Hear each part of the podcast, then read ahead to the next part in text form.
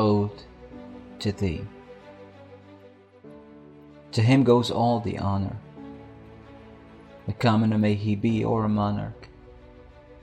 He who shall look at death's plain eye and say firmly, Today I will not die. O to thee, stout soul, she who through suffering seeks her role, amidst the threatening thunder sound, she stands firmly and unbound. For many a soul had perished when it found nothing to cherish. For many a warrior died right after he ceased to live inside. For many a slave is a king, and many a king is a slave, as the crown only fits that who is brave.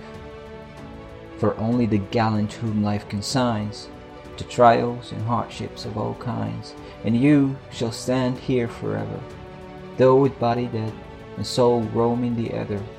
You who bravely suffers with no cry or sigh, for kings cease to live, yet never die.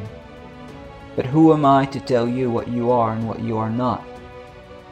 Who am I to speak and I shall too reek and rot?